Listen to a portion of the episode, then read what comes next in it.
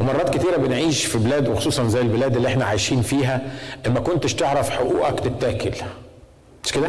كنتش تعرف حقوقك مش هتاخد حاجة. ما كنتش تعرف اللي ليك محدش هيدور عليك علشان يديهولك. ومرات كتيرة بتلاقي ناس عندها الكتير لكن دايما عايشين زي الهوملس. دايما عايشين في احتياج. دايما مش واخدين بالهم إن ليهم حقوق ممكن يستمتعوا بيها. ممكن حد يجي البلد دي وما يلاقاش يكون سنه كبير مثلا وما يلاقاش يعيش مش عارف يسكن. ويحاول يلاقي سكن المفروض يدفع فيه 18 1800 ولا 2000 دولار. وبعدين حد يمشي يقول له أنت ما بتقدمش ليه على سكشن 8 يقول له هو إيه section 8 ده؟ يقول له ما في حاجة اسمها section 8 الحكومة بتدفع جزء من الإيجار. يقول ما أعرفش أنا أول مرة أسمع عن عن section 8 ده.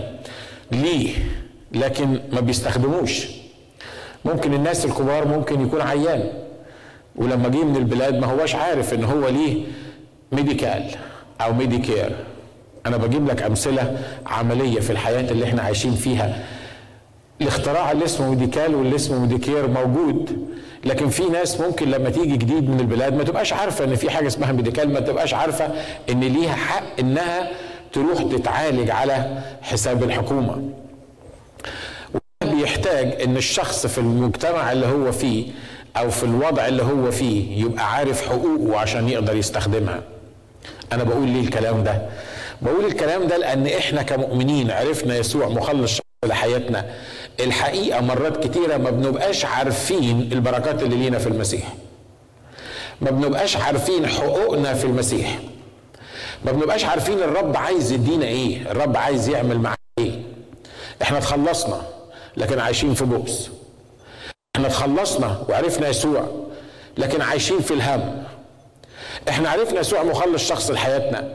بس عايشين خايفين وإحنا مش واخدين بالنا إن إحنا لينا حق في المسيح إن إحنا نعيش في سعادة وإن إحنا نعيش من غير اكتئاب وإن إحنا نعيش من غير خوف.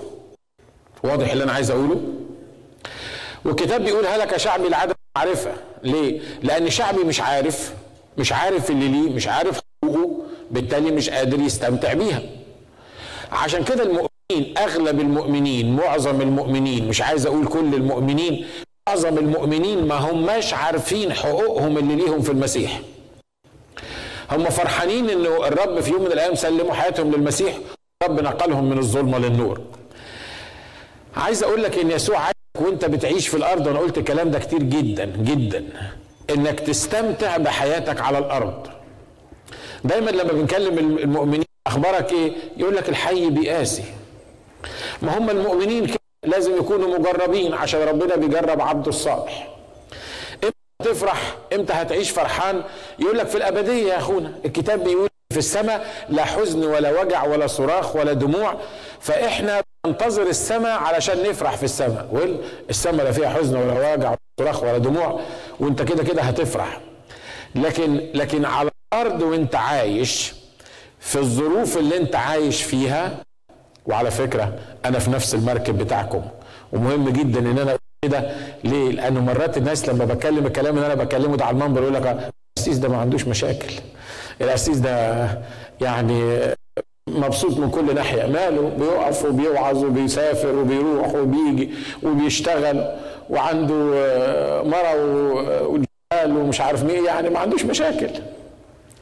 لا عندي عندي زيكم بالظبط. أشكر الله. حتى لو ما عنديش مشاكل لكن أنا عايش في العالم اللي أنت عايش فيه. دايما بتكلم مع الرب في النقطة دي. يا رب أنت عايزني أعيش في العالم زعلان وتعبان وفي محاربات وفي وفي ضيقات ومشاكل و... عايزني أعيش كده على طول يعني لغاية السماء أبقى أفرح. أنا ما أعتقدش دي الرب لينا. لكن إرادة الرب لينا إن إحنا نعرف نستمتع بالمسيح على الأرض. نعرف نستمتع بحياتنا على الأرض. أنا بفكر نفسي بالكلام ده. لما تحصل مشكلة وأنت أصل ما بتشوفوش لما بيحصل معايا مشكلة. بيبقى واحد غير اللي واقف على المنبر. لما بتحصل مشكلة وأحس إن أنا دماغي هنفجر من كتر التفكير اللي أنا بفكر فيه. مرات نفسي أقول ناجي خلي بالك إنك كنت بتقول للإخوة والأخوات إن الرب عايز تستمتع بحياتك على الأرض. خلي بالك ان انت كنت بتوعظ الأسبوع تقول ان أنا ليا فرح في الرب. خلي بالك ان انت كنت بتتكلم مع حد من الشباب وبتقول له لازم تستمتع بظروفك وانت موجود. والكلام ده أنا مش جايبه من عندي الكلام ده كلام كتابي لأن الكتاب في العالم سيكون لكم ضيق. إحنا دايما بندور ع... بندور على النكد والمشاكل. إحنا حافظين كويس قوي. في العالم سيكون لكم ضيق صح؟ في حد فيكم مش حافظها كلنا. أول ما تخش في ضيق أو في تعب أو في ضغط أو حاجة ما الكتاب بيقول في العالم سيكون لكم إيه؟ سيكون لكم. لكن خلي بالك من حاجة مهمة جدا. بيقول لكن ثقوا قد غلبت إيه؟ هو ما قالش لكن ثقوا أنت قد غلبت مع إن إحنا الكتاب بيقول هذه هي الغلبة التي تغلب العالم ايماننا إحنا لينا إن إحنا نغلب العالم. لكن الرب بيقول إيه؟ في العالم سيكون لكم لكن بالرغم إن في العالم لكن أنا غلبت العالم. بمعنى إن حتى الضيق اللي, اللي في العالم اللي أنت بتعاني منه أنا غلبته. أنت مش المفروض تغلبه لأن لأن الموضوع ده انتهى. أنا غلبته في الصليب. أشرت الأعداء جهارا ظفرت بهم في الصليب. أنا هزمت إبليس على الصليب. أنت مش محتاج تقعد تهزم فيه لأنه إبليس اوريدي هزم. الرب لما راح لقى التلاميذ موجودين خايفين العلية ومقفلين على نفسهم ليه يهود وكانوا بيؤمنوا بالمسيح واليهود صلبوا المسيح. فمرعوبين بيقول لك كانت الأبواب مغلقة. مغلقة يعني إيه؟ عمالين يقفلوها وبعدين يتأكدوا إنها مقفولة. وبعدين رسول بطرس يقول ليوحنا اقفل الشباك ده كمان لحسن واحد من من الشباك ده. ويقول له يمكن روح كمان راجع كده. الترباس بتاع الباب ده أو القفل بتاع الباب ده مقفول كويس.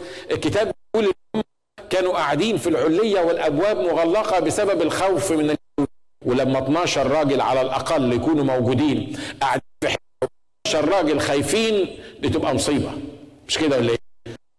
ال 12 راجل ما هم 12 مع بعض لكن هو اللحظة اللي صلبوا في اللي مسكوا فيها المسيح. المسيح اللي صلبوا فيها المسيح. ما هم كانوا موجودين مع المسيح. ما جم الأعداء حواليه الكتاب بيقول إن كلهم سابوهم.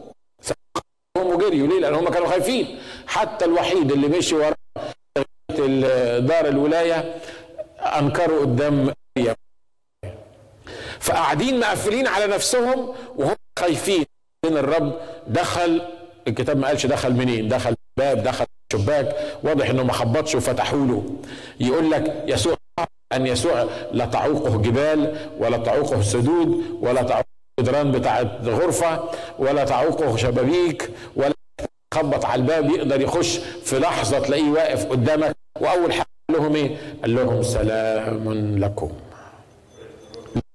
أنا جيت علشان عشان أديكم سلام.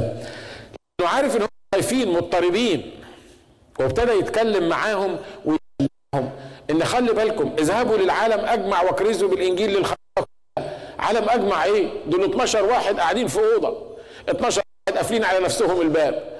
12 واحد خايفين من اليهود خايفين في اوضه لكن هو بيقول لهم إيه؟ بيقول لهم ليس كما يعطي العالم أنا بديكم سلام بديكم قوة. ستنالون قوة. حل الروح القدس عليكم وتكونون لي شهودا. أنتوا قاعدين في الأوضة. وخايفين ان أنتوا تتحركوا لكن أنا مش بس هطلعكم من ده أنا هوقفكم قدام رؤساء وقدام ملوك وقدام قوة. وهديكم كلام وهتتكلموا بكلامي وهتخشوا البلد من البلاد دي البلاد دي هتتقلب لأن ستنالون قوة متى حل الروح القدس وأول ما التلاميذ واضح إن الموضوع فرق معاهم مش كده؟ واضح إن هم عرفوا ما يقدرش واحد دلوقتي يقول أروح للعالم فين ده أنا خايف أفضل أروح لمراتي.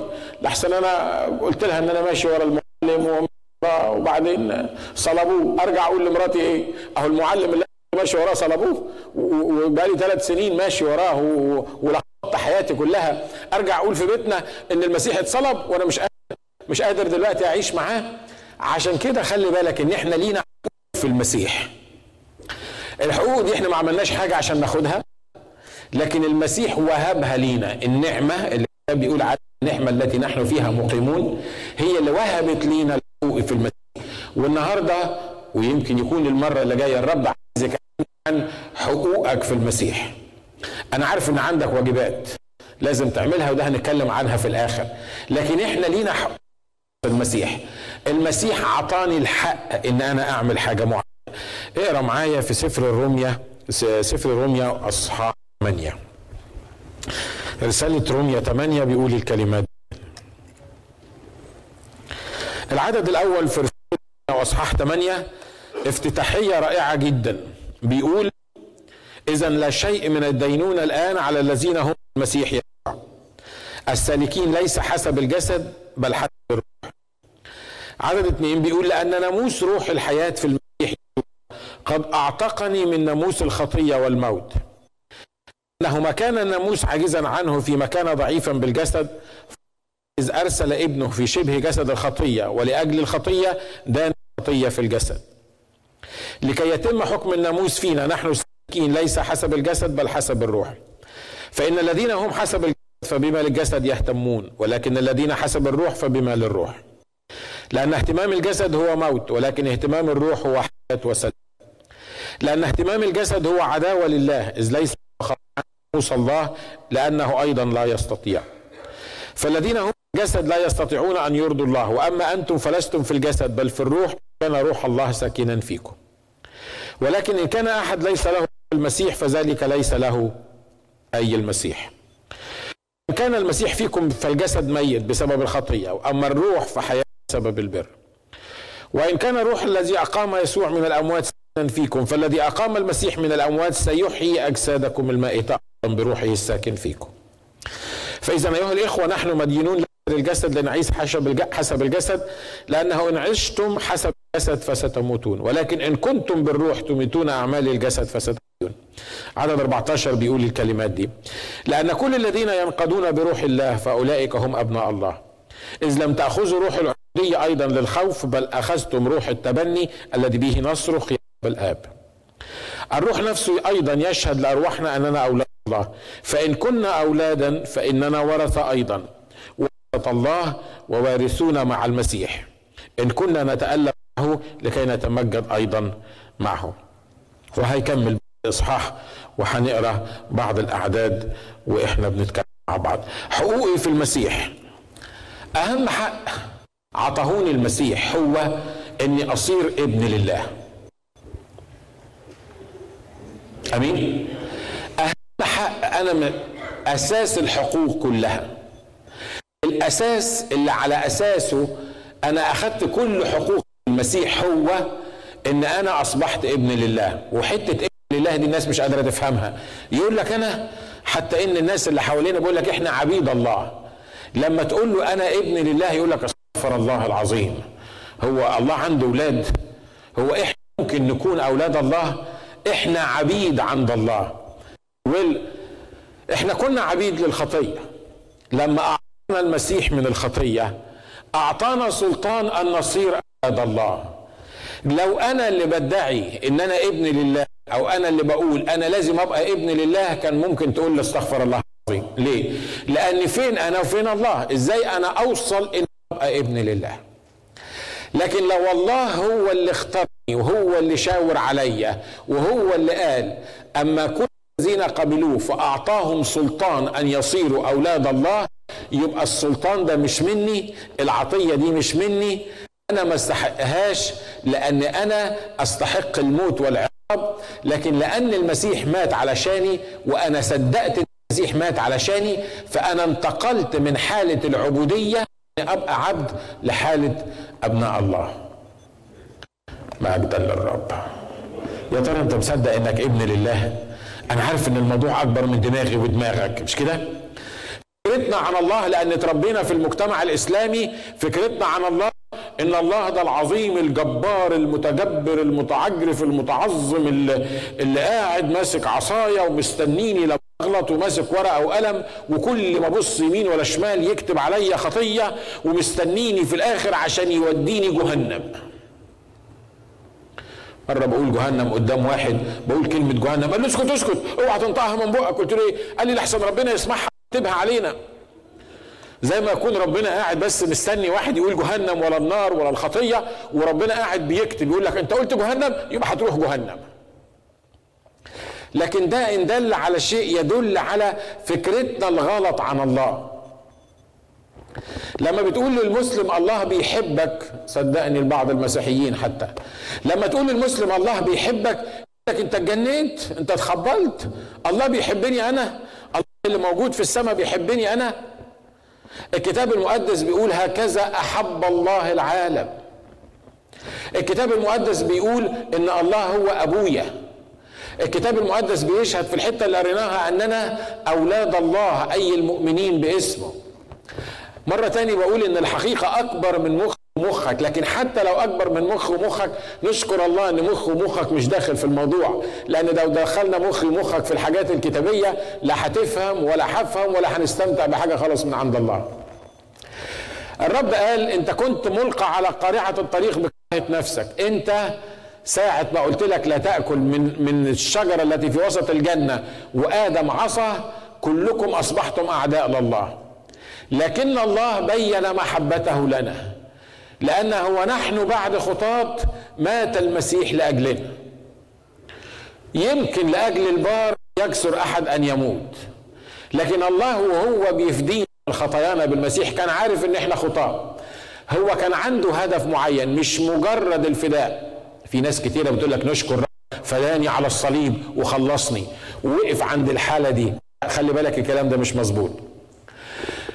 بالصليب مش بس فداني مش بس غفر خطيتي مش خلصني من الخطية. بالصليب أنا أصبحت ابن لله. بص اللي جنبك قول له أنا ابن لله. لو كنت ابن لله ها؟ قول له أنا ابن لله. أنت مصدق؟ مصدق إنك ابن لله؟ ويل ده أنت لو دعاك بوش عشان تفطر معاه يمكن تفلقنا بيها لمدة خمس سنين. تقول الريس دعاني عشان أروح أفطر معاه. لكن مش بنتكلم عن بوش دعاك عشان معاه ولا عشان مش عارف مين الرئيس اللي دعاك عشان تشوفه. ده إحنا بنتكلم عن الله القادر على كل شيء ملك الملوك ورب الأرباب الذي يقول فيكون يأمر فيصير يحيي الموتى ويدعو الأشياء غير الموجودة كأنها موجودة. شاور علي وعليك صدقت أو ما صدقتش وقال ناجي ده ابني. فلانة دي بنتي فلانة دي بنتي فلان ده ابني. لو ما عرفتش هذا الحق اللي ليك في المسيح تعيش مؤمن تعبان وتموت مؤمن تعبان. مين إحنا مش قادرين نكتشف الحقيقة ديا. الحق اللي ليا في المسيح ده بيقول إلى خاصته جاء وخاصته لم تقبله. أما كل الذين قبلوه فأعطاهم سلطان أن يصيروا أولاد الله أي المؤمنون باسمه إحنا عرفنا المسيح مخلص شخص لحياتنا ومكتفيين بالحكاية دي ما بنتعاملش معاه كالأب. مش عايزين نضايقه. واحد يقول لك أنا ما برضاش أصلي كتير للرب. أقول له أنت كلمت الرب في المشكلة دي يقول لي وأنا كل حاجة هقرف بيها الرب. طب خليك شايل المشكلة على دماغك. ما تقرفش بيها الرب خليك انت اللي قرفان. ليه؟ لأن المؤمن ده عايش إن هو كان خاطي والله فداه والله خلصه لكن في فرق كبير إنك تعيش ابن لله إنك تفهم إنك ابن لله وتتعامل مع الله كأبوك وفي فرق بين إنك تتعامل مع الله إنك كنت خاطئ وهو خلصك وهو الله وإنت اللي موجود في الأرض مفيش علاقة بينكم. أنا بتكلم عن المؤمنين مش بتكلم عن الخطاه دلوقتي. واضح الفرق اللي أنا عايز أقوله؟ المؤمن اللي فاهم إن الله أبوه المؤمن اللي فاهم إن علاقته بالله هي علاقة أب بابنه هو المؤمن اللي بيعيش صح هو المؤمن اللي بيقدر يستمتع بحقوقه. هو المؤمن اللي يقدر يخش لأبوه في أي وقت. هو المؤمن اللي ما تضحكش عليه ويقول له قبل ما تخش لأبوك دور لك على شفيع عشان يدخلك عند أبوك. لو أنا رئيس الجمهورية وابني عايز يخش عندي يمكن أي واحد تاني يعمل واسطة عشان يخش عندي مش كده؟ لكن لو ابني عايز يخش عندي حتى لو كنت رئيس الجمهورية مش ممكن يروح رئيس وزراء يقول له ممكن تخليني أقابل بابا ممكن تقول لبابا لو سمحت يقابلني يديني ميعاد علشان أقابله. ينفع الكلام ده؟ ليه؟ لأن الملك أو رئيس الجمهورية أو الشخصيه العظيمة ده ابنه. لما ابني بيخش عندي في العيادة ما بيستأذنش من ال receptionist ممكن أكلم بابا؟ هو المفروض يعمل كده بس anyway. بيعمل إيه؟ هو داخل فارد فارد صدره وداخل على طول. لو الست قالت له انت رايح فين؟ يقول لها رايح عند بابا. ليه؟ لأن بابا لأن في علاقة بابا. تيمي وأنا مقعده على الكرسي بشتغل بيشتغل وهو داخل من بره هو مش خايف من الدكتور اللي جوه ده. ليه؟ لأن الدكتور اللي جوه ده بابا. أنا بديك مثل بديك مثل حي عشان تقدر تفهم اللي أنا بقوله. في فرق بين إن هو قاعد وأنا بتعامل معاه كالأب وفي فرق بين إن هو قاعد متشنج على الكرسي بتاع الدكتور وانه خايف يفتح بقه. ليه؟ لأن لو اتكلم ده مش بابا لكن لو بابا هو اللي بيشتغل له في فرق كبير جدا بين إن بابا اللي يشتغل أو دكتور تاني يشتغل. واضح؟ اللي أنا عايز أقوله. انت كمؤمن في فرق بين انك تتعامل مع الله كأبوك وتتعامل مع الله انه موجود في السماء ماسك لك عصاية مستنيك على الغلطة. صدقوني 99% من المؤمنين فاهمين الله غلط. أمين؟ فاهمين إن هم لما يحب ياخد حاجة من الله لازم يصرخ ولازم يقعد يقول له يا رب اعمل معروف ويمكن واحد من الخدام أو اتنين أو عشر أو خمسين شاركوا في الموضوع ده ويقول لك لازم الصلاة بلجاجة مش الرب يسوع قال المرأة بتاعت قاضي الظلم وقعدت تصلي وحطينا في دماغنا إن يسوع ده ما بيسمعش إلا لما أقعد أقطع في نفسي ولما أقعد أصلي له وأتحايل عليه وأقول له اعمل معروف وأنت شايف أنا تعبان قد إيه لما ابني بيحتاج مني حاجة ما بيقعدش يندب ساعتين عشان اسمعه. انت معايا؟ ها؟ ما بيقعدش. بيخش بيعمل إيه؟ بيقول لي بابا أنا عايز الحاجة الفلانية. بس. از ذات وأنا مستحيل في يوم من الأيام مش هسمع له. مستحيل. حتى لو هو واد تعبان ووجع قلبي وكسر قلبي. لكن لأنه ابني فأنا بسمعه. ولأنه ابني هو عنده إمكانية أن يخش لي في أي وقت. ولأنه ابني هو مش محتاج واسطة لا قديس ولا ملاك ولا حد يقف بيني وبينه. لأنه ابني فالكتاب بيقول إنه الله يسوع كرس لينا طريق حي حديث بالحجاب أي جسده بمعنى إنه لما مات فتح الطريق لينا فتح الطريق معانا إحنا بينا وبين الله مباشرة. ما بقاش فيه لا قديس ولا ملاك مهما كان هذا القديس ولا الملاك يقدر يقف بيني وبين أبويا. مفيش قوة تقدر تقف بيني وبين أبويا. مفيش حاجة تقدر تمنعني إن أنا أخش لأبويا الساعة 3 بالليل وأتكلم معاه. لو ابني في مشكلة معينة يمكن أنت لأنك مش ابني ما تقدرش تتصل بيا الساعة 3 يمكن تفكر 100 مرة قبل ما تتصل بيا. تبقى في مشكلة وفي احتياج وتقول مش معقولة صح القسيس الساعة 3 صح؟ مع إن في ناس بتعملها. it's okay okay. لو أنت في مشكلة كلمني حتى الساعة 5 الصبح. I don't care لكن انت هتفكر 100 مرة قبل ما تكلمني تصحيني من النوم الساعة 3 ليه؟ لأن مش أبوك. صحيح الأسيس بتاعك على عيني وراسي لكن أنا مش أبوك. فأنت هتقعد تفكر أكلمه ولا ما أكلموش؟ أصحيه من النوم ولا ما اصحهوش من النوم. لكن لو أنت ابني حتى لو عارف إن أنا نايم هتصحيني في أي وقت بالليل. وأنت لو عرفت إن أنا ما بنامش طول الليل يبقى من حقك إنك تكلمني في أي لحظة من اللحظات. واخد بالك الفرق بين إن الواحد بيتعامل مع الله اللي قاعد في السماء اللي مش واخد باله مننا والله كأبوه؟ واخد بالك من الفرق ده؟ ابني لما بيخش ما بيحاول بيقول لي أنا عايز الحاجة الفلانية. ليه؟ لأنه عارف إن كل اللي ابوه بتاعه هو. عارف إن من حقه يجي يطلب مني اللي هو عايزه. هيطلب من مين لو ما طلبش مني؟ هو من حقه كابني إن يخش يطلب مني. مرة صليت الصلاة الغبية دي قلتها لكم قبل كده يمكن. كنت محتاج حاجة معينة وبعدين عايز الرب يدهاني. فواضح طبعا إن أنا عايز أقنع الرب إنه يدهاني. فأقنعه إزاي؟ ما إحنا مرات بنتفلحص عارفين بن يعني بن بنعمل إن إحنا يعني فاهمين. فقعدت أصلي قلت له اسمع رب. قال لي نعم. قلت له أنا لو ما كنتش خادم كان هيبقى عندي الإمكانيات اللي أشتري بيها الحاجة الفلانية دي. لكن لأني أنا بخدمك فأنا ما عنديش الإمكانيات أشتري الموضوع ده. وبالتالي لأني أنا بخدمك فأنت المسؤول تشتري لي الموضوع ده. صلاة كويسة مش كده؟ ما أنا خادم بخدمه. فقلت له شوف يا رب أنا عايزك تجيب لي الحاجة وكانت حاجة كبيرة. عايزك تجيب لي الحاجة الفلانية دي. ليه؟ عشان أنا بخدمك لأن أنا قسيس عندك في الملكوت بتاعك.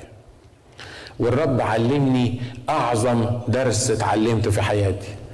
راح لي لا أنا مش محتاجك تخدمني أنا عندي 3 مليون غيرك ممكن يخدموني.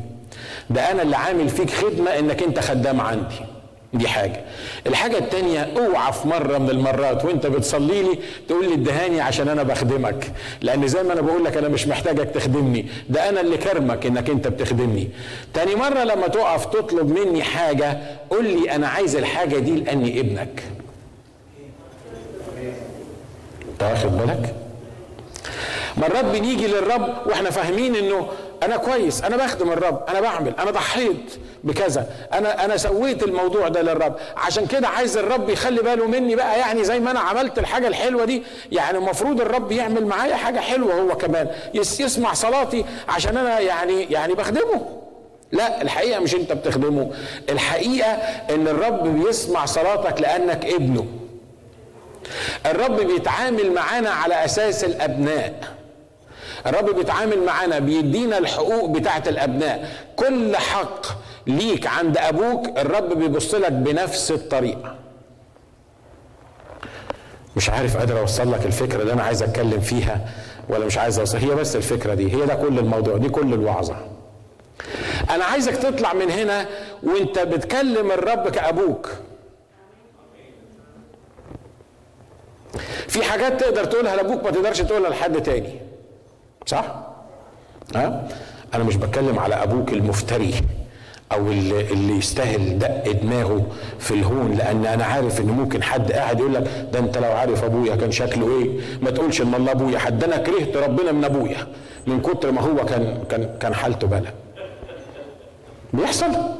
بيحصل. صدقوني في ناس مش عايزة تتعامل مع ربنا لأن أولياء أمورها صعبة. لكن خلي بالك إن الله أبوك ما هوش زي أبوك الأرضي. ده بيقول إن كنتم وأنتم أشرار تعرفون أن تعطوا أولادكم عطايا جيدة فكم بالحري أبوكم الذي في السماوات مين الأب اللي تقول له اديني بيضة يدي لك عقرب؟ مين الأب اللي تطلب منه إنك تاكل يدي لك سم عشان تاكله؟ فإن كنتم وأنتم أشرار تعرفون أن تعطوا أولادكم عطايا جيدة فكم بالحري أبوكم اللي في السماوات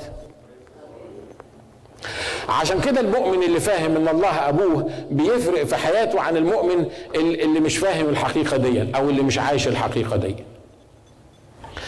أنا مش محتاج أسمع من ابني إلا احتياجه. أنا محتاج يبقى في fellowship بيني وبين ابني في شركة بيني وبين ابني. مرات كتيرة لما بتجيب ابنك هدية أو بنتك وخصوصا لما يبقوا صغيرين أول ما تفتح الباب ويلاقيك ماسك الكيس بتاع الهدية يجري عليك ويدي لك هج كبير بابا أنت أحسن بابا في الدنيا. يمسك الهدية وتبص تلاقيه عطلك ظهره وجري ودخل على الأوضة بتاعته. يا واد تعالى يا واد اسمع أنت عايز تتكلم معاه أنت عايز تقعد معاه أنت عايز يبقى في شركة بينك وبينه. لكن هو خد الهدية مش كده ولا إيه؟ خلاص خد اللعبة ولازم يجري يلعب بيها. أما بابا فأنت حلو إحنا خدنا منك الهدية أنت حلو خليك زي ما انت في مؤمنين بيتعاملوا مع الله على هذا الأساس. أنا مستعد اتعامل مع الرب. وحد طايل إن الرب يبقى أبوه؟ بس علاقته بأبوه هي إيه؟ إن هات وأنا آخد. لو في مرة قلت لك هات وقلت لي لأ يبقى لا بابا ولا اعرفك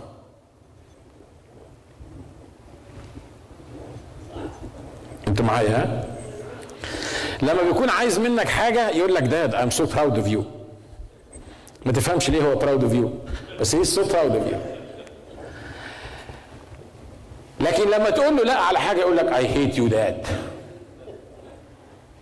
كم واحد حصلت معاه الحكاية دي؟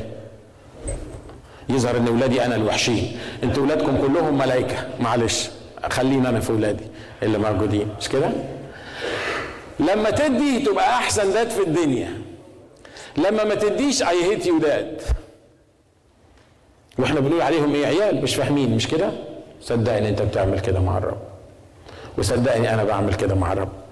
لما أصلي والرب يستجيب هقف ابقى فرحان وأمسك الميكروفون وأقول الرب استجاب طب إيه رأيكم إن أنا عندي سكر والرب ما شافنيش؟ أهو شاف اتنين عندهم سكر في الاجتماع لما أنا صليت لهم وأنا ما شافنيش.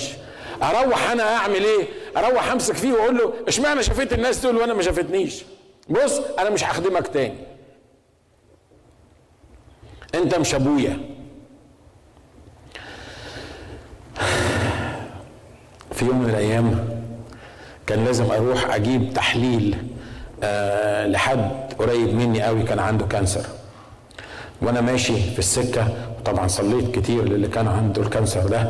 وبعدين وأنا ماشي في السكة بجيب نت... قبل ما أروح أجيب نتيجة التحليل عمال أصلي وأقول للرب قلت له اسمع يا رب أنا عارف إنك بتشفي وبتعمل معجزات وأنا رب صليت وأنا عايز أروح أجيب التحليل ده يطلع التحليل ما فيهوش حاجة خالص يطلع التحليل. تمام التمام رحت وأنا متحمس وعمال أصلي يا رب أنا أنا رب هجيب التحليل والتحليل هيطلع ما فيهوش كانسر وأنت هتتمجد وهنشهد عنك في كل حتة وهنعمل ونسوي. رحت جبت التحليل لقيت التحليل بيقول كانسر من الدرجة الثالثه أنا مسكت التحليل كده قلت لا كنت كان كنت ماشي مع أماني ساعتها وإحنا جايين الكلام ده كان في مصر. قلت له بص ده أنا بقول لك إيه بقى إحنا بنضحك على الناس وبنقول لهم المسيح بيشفي والمسيح بيخلص. سيبك من الموضوع ده أنا لا هخدم المسيح ولا هعمل حاجة تاني. رحت مطلع النوتة من جيبي اللي فيها المواعيد بتاعت الاجتماعات واللي, واللي أنا كنت مشغول تقريبا محجوز فيها لمدة ست شهور ومسكت النوتة وأنا ماشي. أنا بكلمكم عن ضعفي مش كده؟ ها؟ أنا مش بعمل جدع قدامك وبقول لك يعني لا لا أنا مش كده. فمسكت النوتة ولسه هقطعها وأنا ماشي في الشارع وقلت لها مش هروح اخدم تاني. ليه؟ لأن يظهر الكلام اللي إحنا بنقوله للناس ده ما بيحصلش. راحت ماسكة مني النوتة قالت لي قالت لي يعني اهدى اهدى شوية أنت بس عشان منفعل دلوقتي وعشان كده أنت عايز تقطع النوتة دي بس اهدى شوية وبعدين نتفاهم في الموضوع. طبعا خدت نتيجة التحليل ورحت المستشفى علشان آه لازم اودي التحليل المستشفى. وأنا طالع على السلم سمعت صوت ثلاث ولاد بيرنموا على الأرج كده وعمالين يرنموا. ترنيمة؟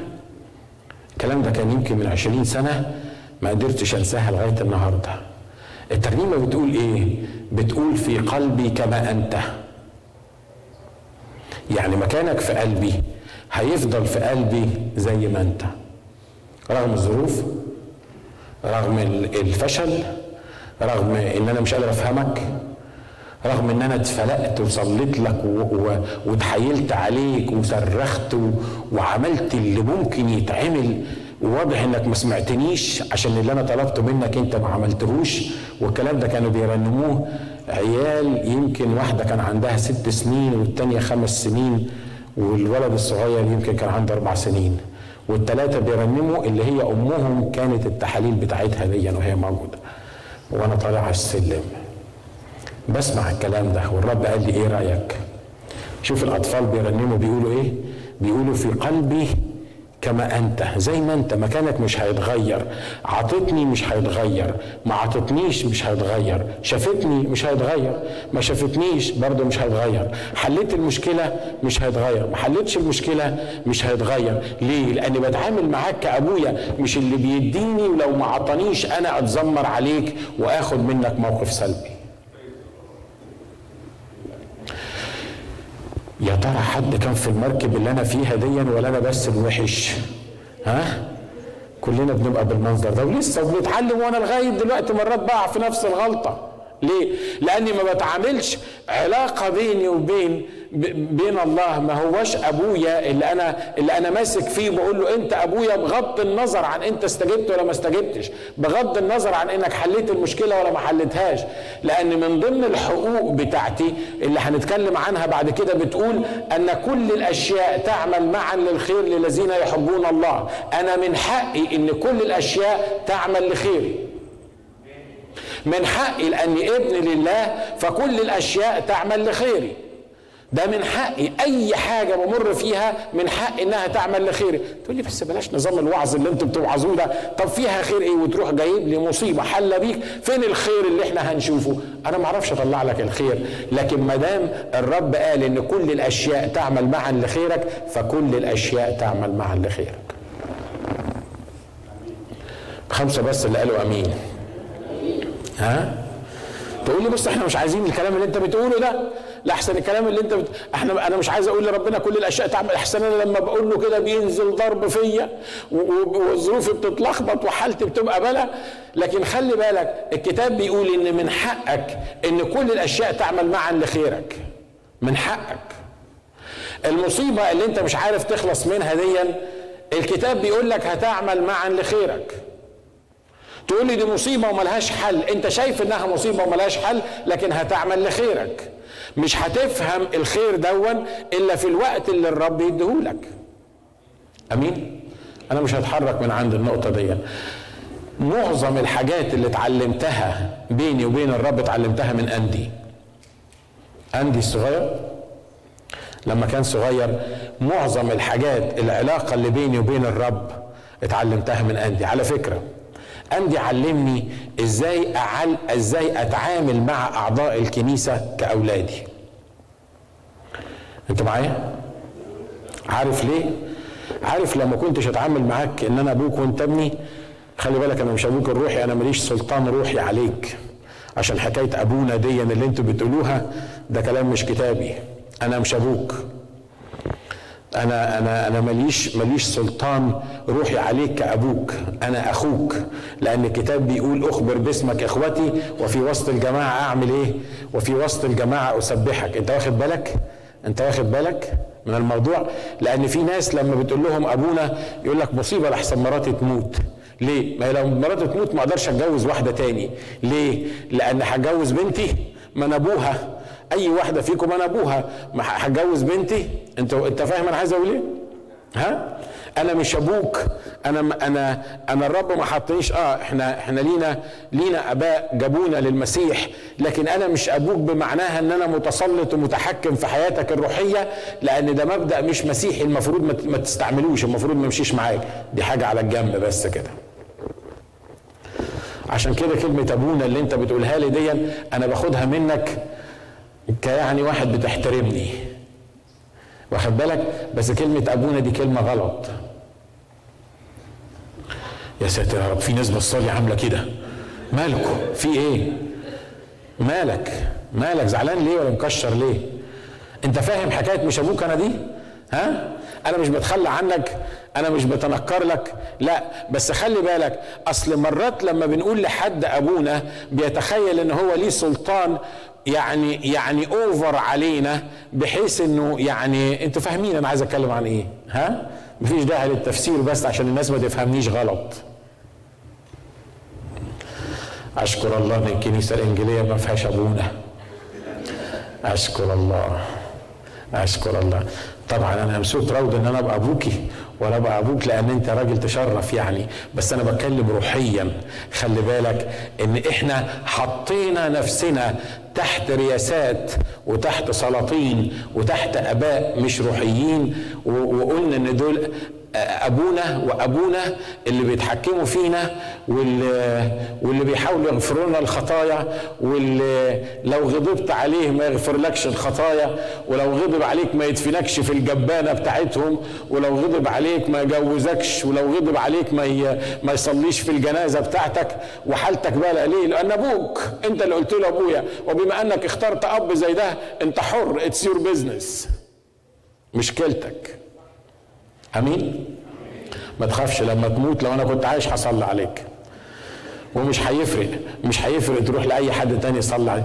ما تخافش لو عايز تتجوز أنا أعرف أجوزك وأنا عندي license من كاليفورنيا إن أنا أجوزك وأدي لك ورق إنك أنت متجوز. تماما هو إيه اللي خلاني أنا قلت بقول الكلام ده؟ anyway مش أنا أبوك وإحنا بنتكلم عن الله أبونا فمطلوب. أرجع تاني للموضوع. الموضوع بيقول إن ابني علمني إزاي تكون مشاعر الأب إزاي أثق إزاي الابن بيثق في, في أبوه. لما كان عندي عنده ست سنين خمس سنين كانش لسه دخل المدرسة كان لسه في, في الحضانة. فكان كان في مدرسة جنبينا وكنا بنروح نجيبه طبعا كل يوم. بنوديه واحدة من جيراننا بتجيبه معاه. وفي يوم من الأيام كنت باخد فيزا من من رايح بلد معينة باخد الفيزا بتاعتها وبصيت في الساعة لقيت اندي فاضل له خمس دقايق ويطلع من المدرسة. وأنا نسيت الوقت اللي هو هيطلع فيه وتأخرت في السفارة وكان no way لو أنا راكب طيارة حتى إن أنا أروح أجيبه من المدرسة أو أكون موجود في البيت ساعة ما ما هو يبقى موجود. وبعدين رفعت السماعة على واحدة كانت جارتنا قلت لها اسمعي أنا عايز منك خدمة. قالت لي قلت لها عندي في واحدة هتجيبه البيت فأنت ما تروحلوش البيت المدرسة تجيبيه. أنا طالب منك خدمة واحدة بس. توصلي تقفي قدام الباب قبل ما أندي يخبط على الباب. كل اللي أنا طالبه منك إنك توصلي قبل ما أندي يخبط على الباب. قالت لي ليه؟ قلت لها لأن ده طفل صغير لو خبط على الباب وما لقاش بابا وماما جوه هتبقى مشكلة. وأنا عمري ما حصلت معاه الحكاية دي فأنا مش عايزه يخاف مش عايزه يخبط على الباب وما يلاقينيش جوه. فأنا عايزك تروحي تقفي بس قدام الباب قبل ما يخبط تقولي له بابا أندي بابا بعتني ليك أنا هاخدك عندي لغاية ما بابا يجي. الرب قصد إن الست دي تروح دقيقة متأخرة. كان أندي خبط على الباب ومحدش رد عليه. لما روحت البيت بقول له أندي قال لي نعم. قلت له أنت حسيت بإيه لما خبطت على الباب وما لقيتش بابا ولا ماما؟ إيه كان إحساسك وأنت بتخبط على الباب وبابا وماما مش موجودين جوه؟ كان لسه ما دخلش المدرسة وهو من يومه يعني يعرف يتكلم لسانه مية مية. عارفين رد عليا قال لي إيه؟ بالإنجليزي طبعا. قال لي Dad I trust you بابا أنا واثق فيك. قال لي أنا قلت إن بابا مستحيل هيسيبني لكن بابا هيبعت لي نفس الأخت اللي أنا كلمتها عشان تاخدني تخليها تخليني عندها لغاية ما هو يجي لأنه أكيد هو مزنوق على ال freeway. وأول ما قال لي كده الرب على طول قال لي أنت بتثق فيا. زي ما أندي بيثق فيك. انت واخد بالك أنا عايز أقول إيه؟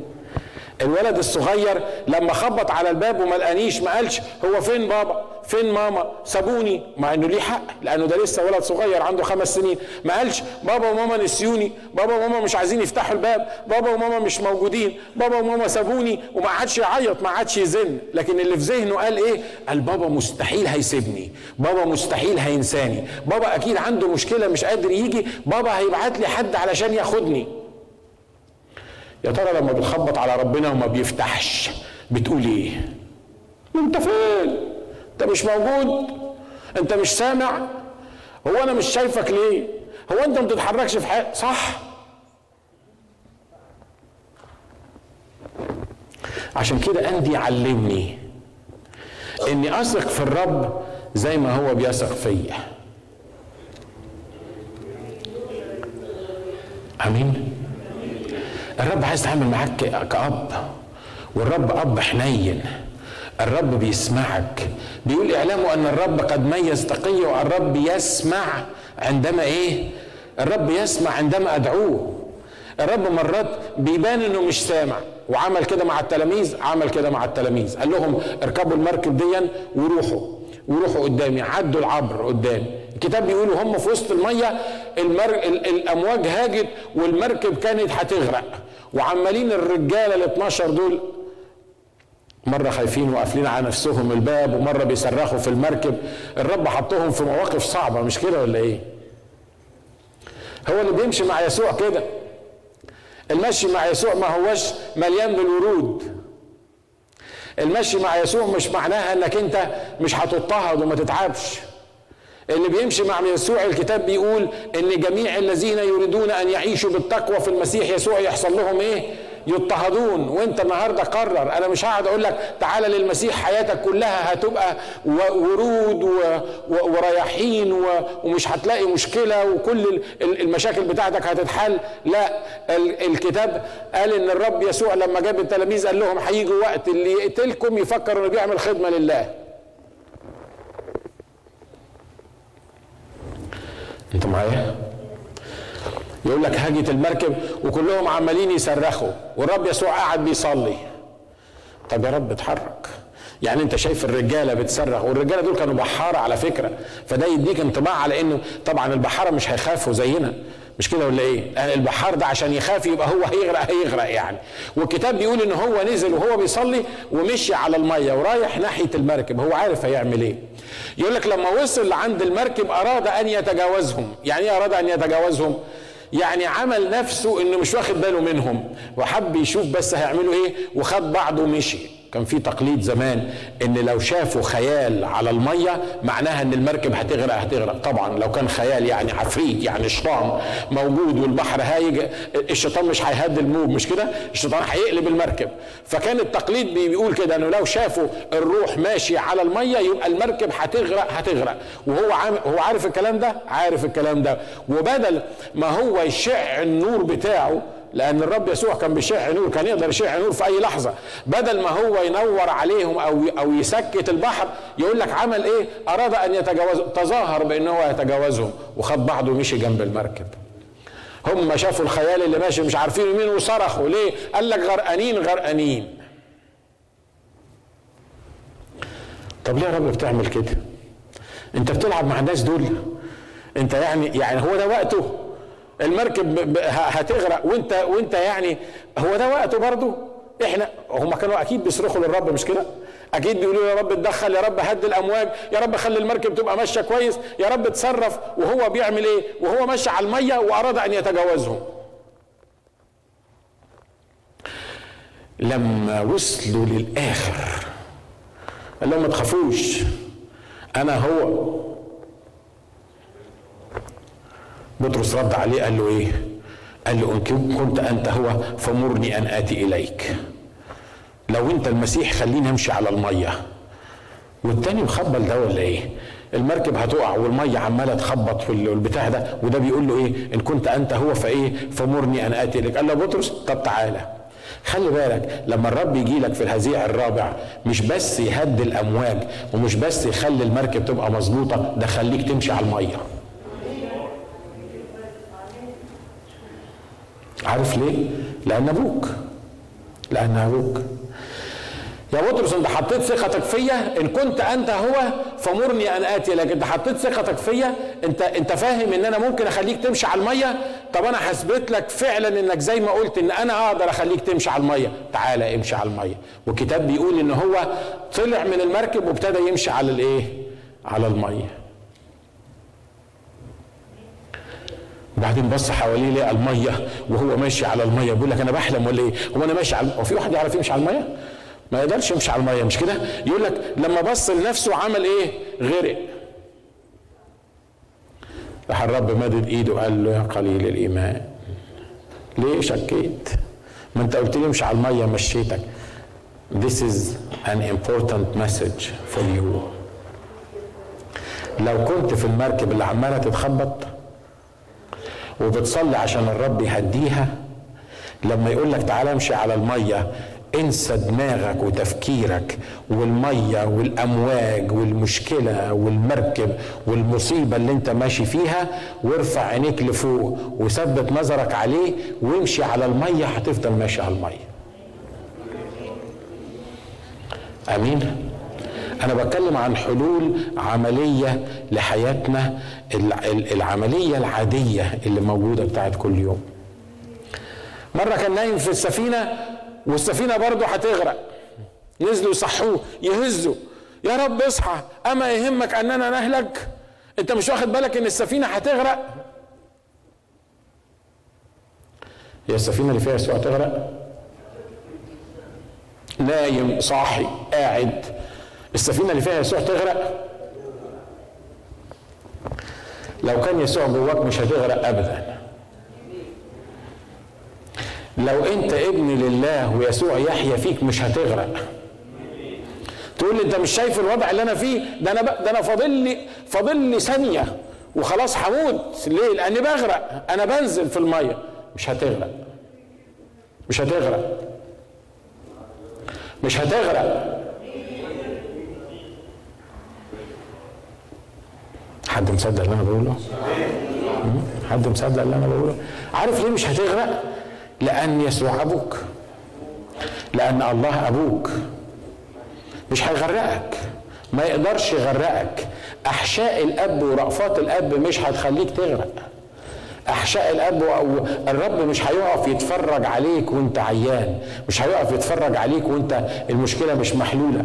هو يبدو ان هو نايم لأن هو عايز يوصلك لحاجة معينة. الحق الأول اللي ليك في الله إنك تتعامل معاه كأبوك. وإن كان الله أبوك ما حدش يقدر يبقى ضدك. آمين. أنا فرحان إن الرب أبويا. أنا فرحان إنه مرات كتيرة مرات كتيرة بفكر في في حاجة مثلا ما أقدرش أشاركها مع حد ما أقدرش ما أقدرش. لا هشاركها مع مين؟ هقول لمين؟ مين هيفهمني؟ مين حي مين هيسمع اللي أنا بقوله؟ شكلها ما حدش شكلها ما حدش هيقدر يفهمني.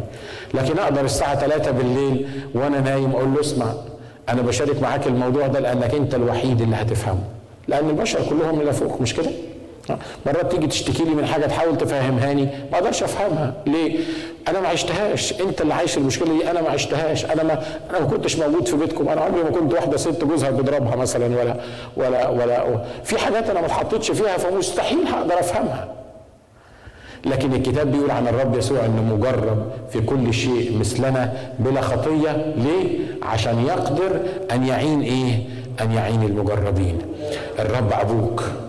وتطلع من الاجتماع تقول له انت ابويا اتعامل معاك كابويا هاجي لك في اي وقت وهتكلم معاك وهطلب منك اللي أنا عايزه وأنا عارف انت تقدر وأنا عارف انك تقدر تحل المشكلة حتى لو كان شكلك هتتجاوزني حتى لو كان شكلك نايم في السفينة حتى لو أنا كنت بصرخ وبقول لك السفينة هتغرق أنا النهارده بعلن ان السفينة مش هتغرق لانك انت موجود فيها وان كان الله معنا فمن علينا.